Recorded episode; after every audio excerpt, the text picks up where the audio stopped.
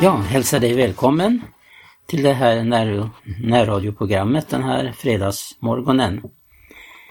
Vi har, jag tillsammans med min fru Gertrud, har läst ifrån en bok som eh, handlar om en, ja det är en biografi skriven av William Beckman.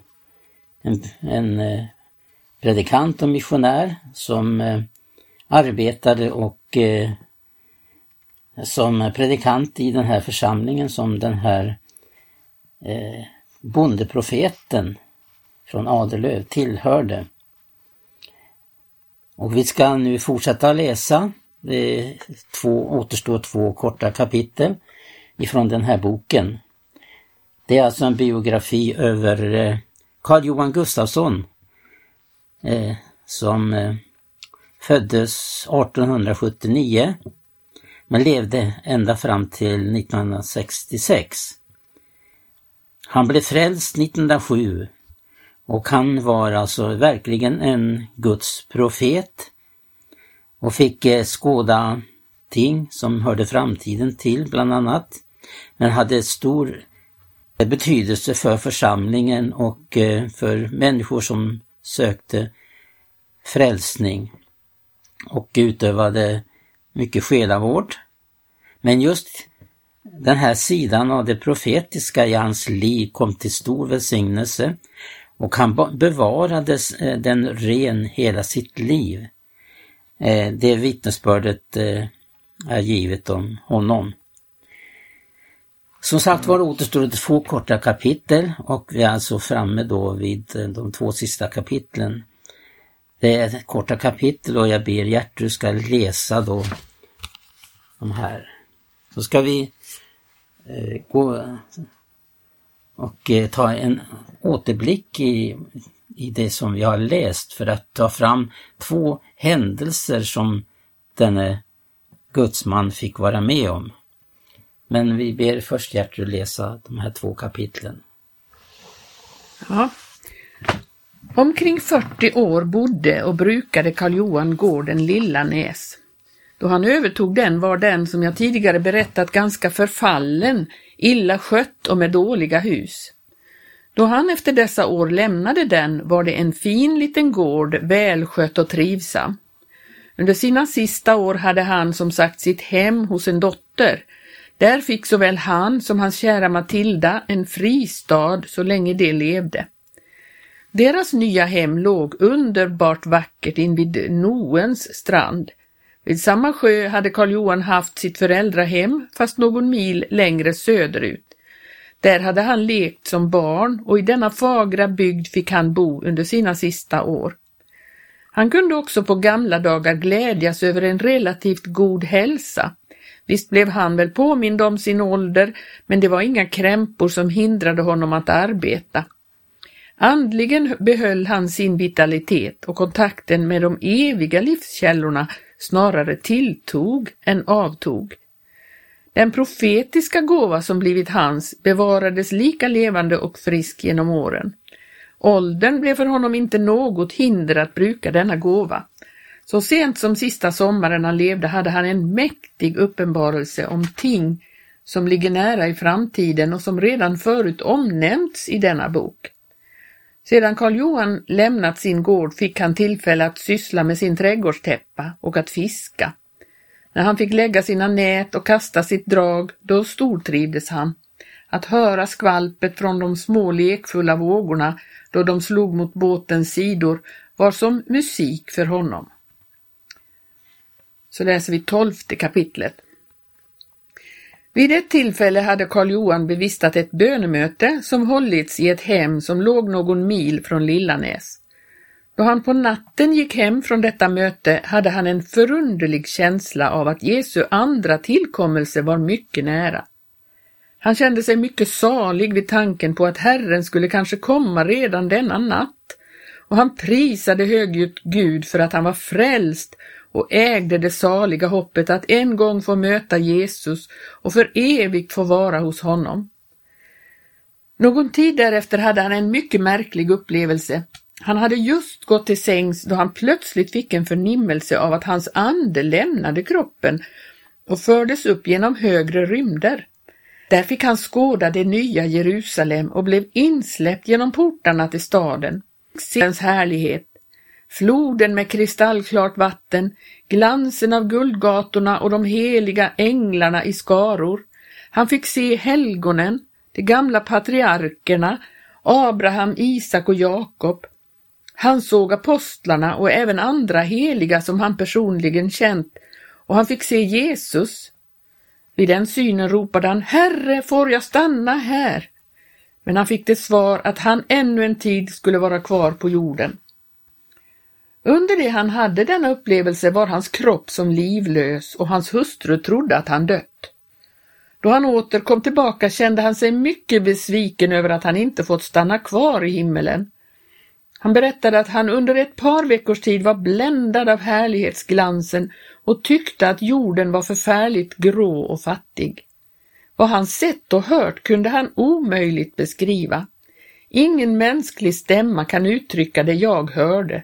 Det finns inte sådana ord i jordiskt språk eller sådana toner i jordisk musik som det jag fick lyssna till.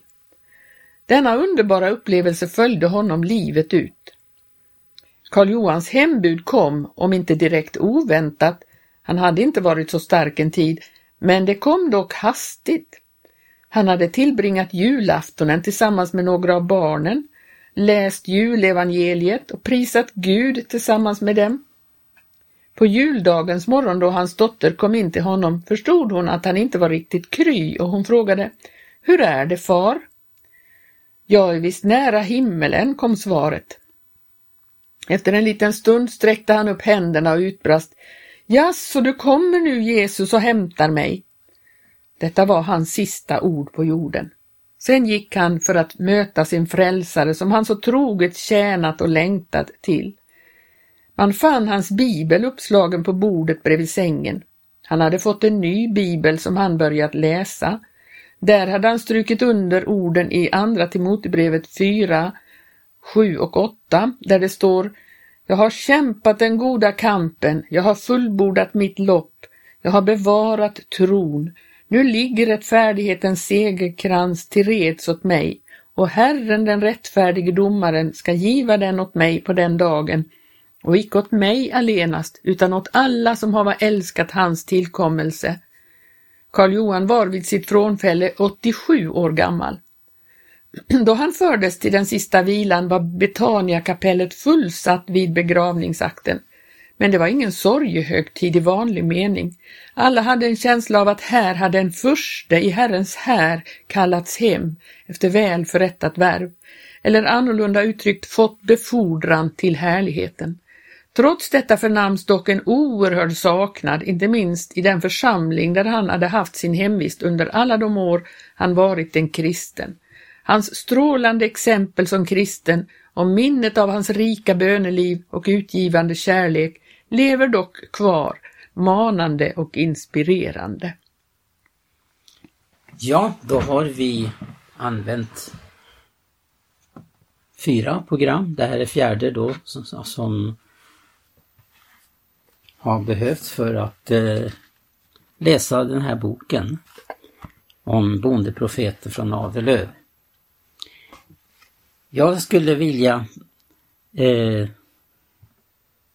ge en liten återblick till eh, tre speciella händelser som vi har läst om. Så det ska få bli en påminnelse om eh, tre viktiga händelser som Eh, är väldigt viktiga för oss att ta del utav. Han hade en upplevelse vid ett tillfälle eh, som eh, är väldigt omskakande. Och eh, eftersom han verkligen var en Guds profet så kunde han också avslöja ting som var liksom på gång. Och då ska jag läsa här i eh, sidan 54, ett kort stycke som eh, handlar om eh, betydelsen utav att ha den profetiska gåvan och andens uppenbarelse. Så här står det. Vid den tiden fanns det viss tendenser inom pingstväckelsen. Jag kan säga att inom parentes att han tillhörde ju en, eh, han upplevde ju pingstväckelsen Eh, i sitt liv. Han var alltså en verkligen andedöpt och eh, andefylld person. Det fanns en tendens inom pingstväckelsen i stort som inte skrämde med vår upp, som inte stämde med vår uppfattning om den fria församlingen. Vissa personer inom väckelsen hade den uppfattningen att det behövdes en fastare samordningsorganisation av pingstförsamlingarna. Och dessa personer hade en hel del sympatisörer. För oss stod det klart att om dessa planer på samfundsbildning skulle förverkligas så skulle Guds plan att föra den kristna församlingen tillbaka till mönsterbilden i ordet gå om intet. Gud varnade gång på gång genom profetiska budskap för svåra ulvar som skulle nästla sig in i församlingen och det skulle icke skona Guds verk. Under denna tid hade vi också en stark förnimmelse och förkänsla av att det stundade nödtider som skulle komma att övergå jorden. Genom profetiska budskap varnades vi gång på gång för främmande andar och avsteg ifrån den raka vägen i Guds ord. Det var en av upplevelsen som denne gudsman hade. Vid ett annat tillfälle i hans liv så var han också med om någonting som också en vakning då det gäller vår ekonomi och för, förvaltning av eh, medel som står till vårt förfogande, hur vi ska hantera dem. Och då var det vid tillfälle att eh, han var en mycket arbetsam, flitig människa. Han eh, rustade upp denna gård som han arrenderade till en mönstergård. Och eh, eh, under tiden som han har gjort det så blev ju hans ekonomi bättre. Och då står det så här vid ett tillfälle vad han var med om. Då det gäller de materiella tingen var Karl Johan mycket skötsam och duktig. Men han hemföll aldrig åt tanken att börja samla skatter på jorden. Och troligen hade han aldrig någon längtan efter att bli rik eller begär efter dessa världsliga skatter. Han berättade vid ett tillfälle, han hade då betalt sitt lån och gjort sig skuldfri att han hade 300 kronor över, kan säga inom parentes, förstår vi att på den tiden var 300 kronor väldigt mycket. Jag fortsätter. Detta satte han in på banken, alltså 300 kronor. Då han kom hem och la in bankboken i sin byrå talade Gud till honom. Karl Johan, ska vi nu säga upp våra kontrakt oss emellan eftersom du börjar sätta in dina fonder för framtiden. Ska du nu gå till banken då du behöver pengar? Hittills har du ju varit den som fyllt, jag som har fyllt dig, dina behov och som har, du har kunnat gå till då du har varit i trångmål. Har jag svikit på det nödens och behovets stund? Har du glömt vår överenskommelse och har du glömt mitt löfte att jag ska fylla dina behov i härlighet? Ja, då talade Herren till honom och eh, prövade hans hjärta. Och han blev alldeles förskräckt och ropade, Herre förlåt mig om jag har syndat. Lös mig så Lös mig om jag har fått orätta tankar och handlat i otro. Eh, jag vill helt förtrösta på dig. Och vidare står det, och Gud hörde hans bön. Han bevarade honom i denna beroendeställning hela livet. Gud visade också att han var trofast och höll sina löften. Och Karl Johan fick eh, ända till sitt livs slut uppleva att intet fattades honom. Ja, här fick ju Karl Johan verkligen uppleva vad det innebär att förtrösta på Herren, att inte ha eh, falska förankringar i kapital på banken, utan att eh, förvalta den väl. Och vad jag har fått vetskap om så offrade han då 300 kronor på missionen direkt efter att Gud hade talat till honom. Så hände det också Eh, i Karl Johans liv. Jag ska läsa här ifrån den 39 30, vers, eller sid 39. Karl Johan levde och vandrade i anden. Varje dag var för honom en Guds upplevelse och han var mycket rädd för att någon skulle få störa denna fulla gemenskap. Han lyssnade till vad anden hade att säga både till honom själv och beträffande församlingen och andra människor. Men det var inte endast ting som rörde den inre kretsen som Gud anförtrodde honom. Gång på gång eh, inregistrerade hans själs radar sådant som var dolt för framtiden, men som skulle ske. Alltså dolt för samtiden, men som skulle ske i framtiden. Vi har berättat eh, om att 1909 fick han en syn och fick se då första världskriget och det kom. Och han fick genom budskap i anden uppenbarelse om vad synen innebar. Sommaren 1914 fick han själv uppleva krigsutbrottet och se hur sann den upplevelsen var som han fick genom anden år 1909. Omkring två år före andra världskriget, som började på sommaren 1939, hade han en uppenbarelse syftade på kommande krig och nödtider vilka skulle komma över jorden. Då han vid ett tillfälle var i bön fick han först höra tackfasta steg av marscherande soldater.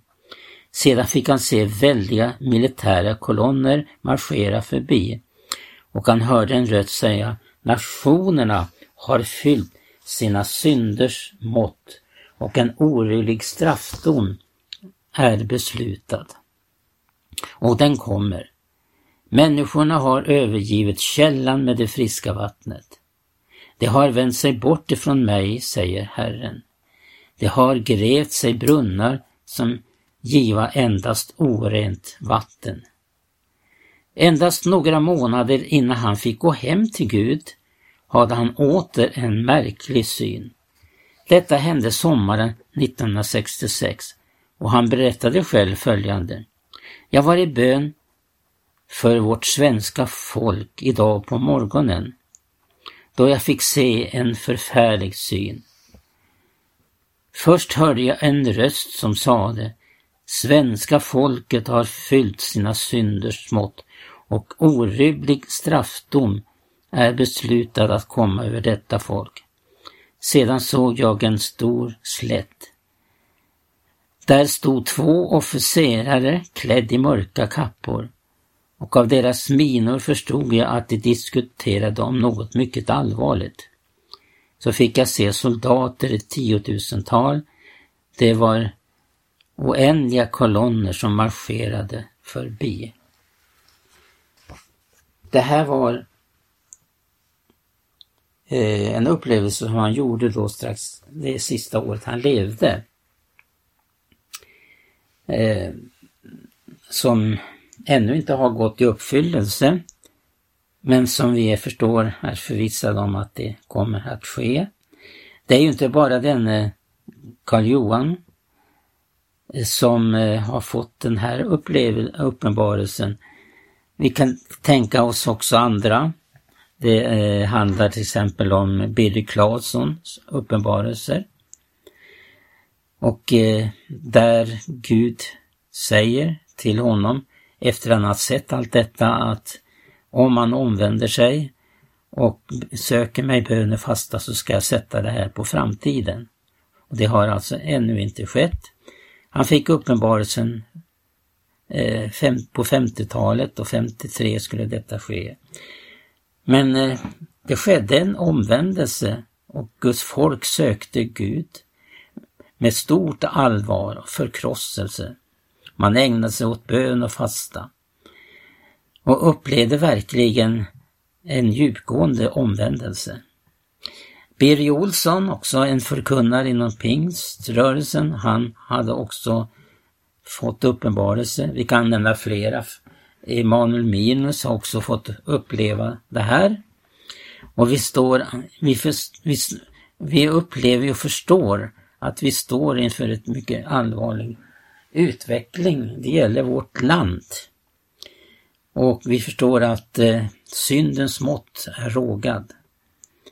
Och det gäller nu att eh, söka Herren och verkligen få uppleva ett uppvaknande. Så att vi är förberedda och eh, vet att Gud tar hand om var och en i vilken situation än vi kommer att få uppleva.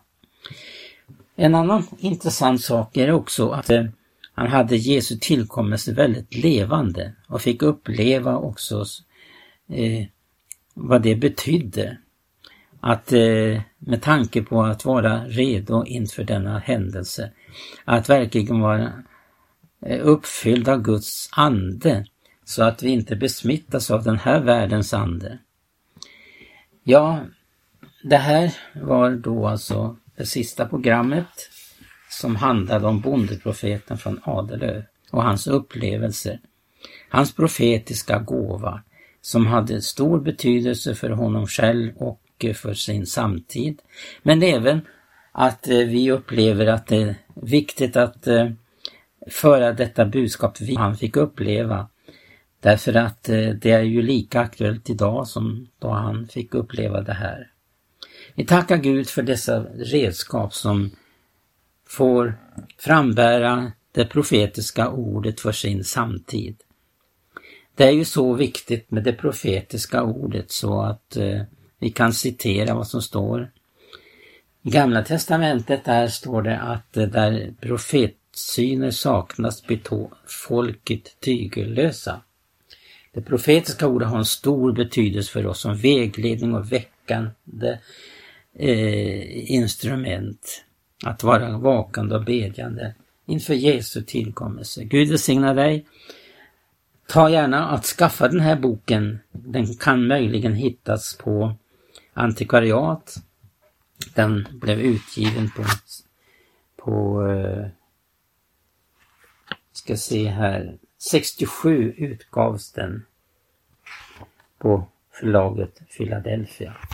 Gud välsignar var och en på återhörande.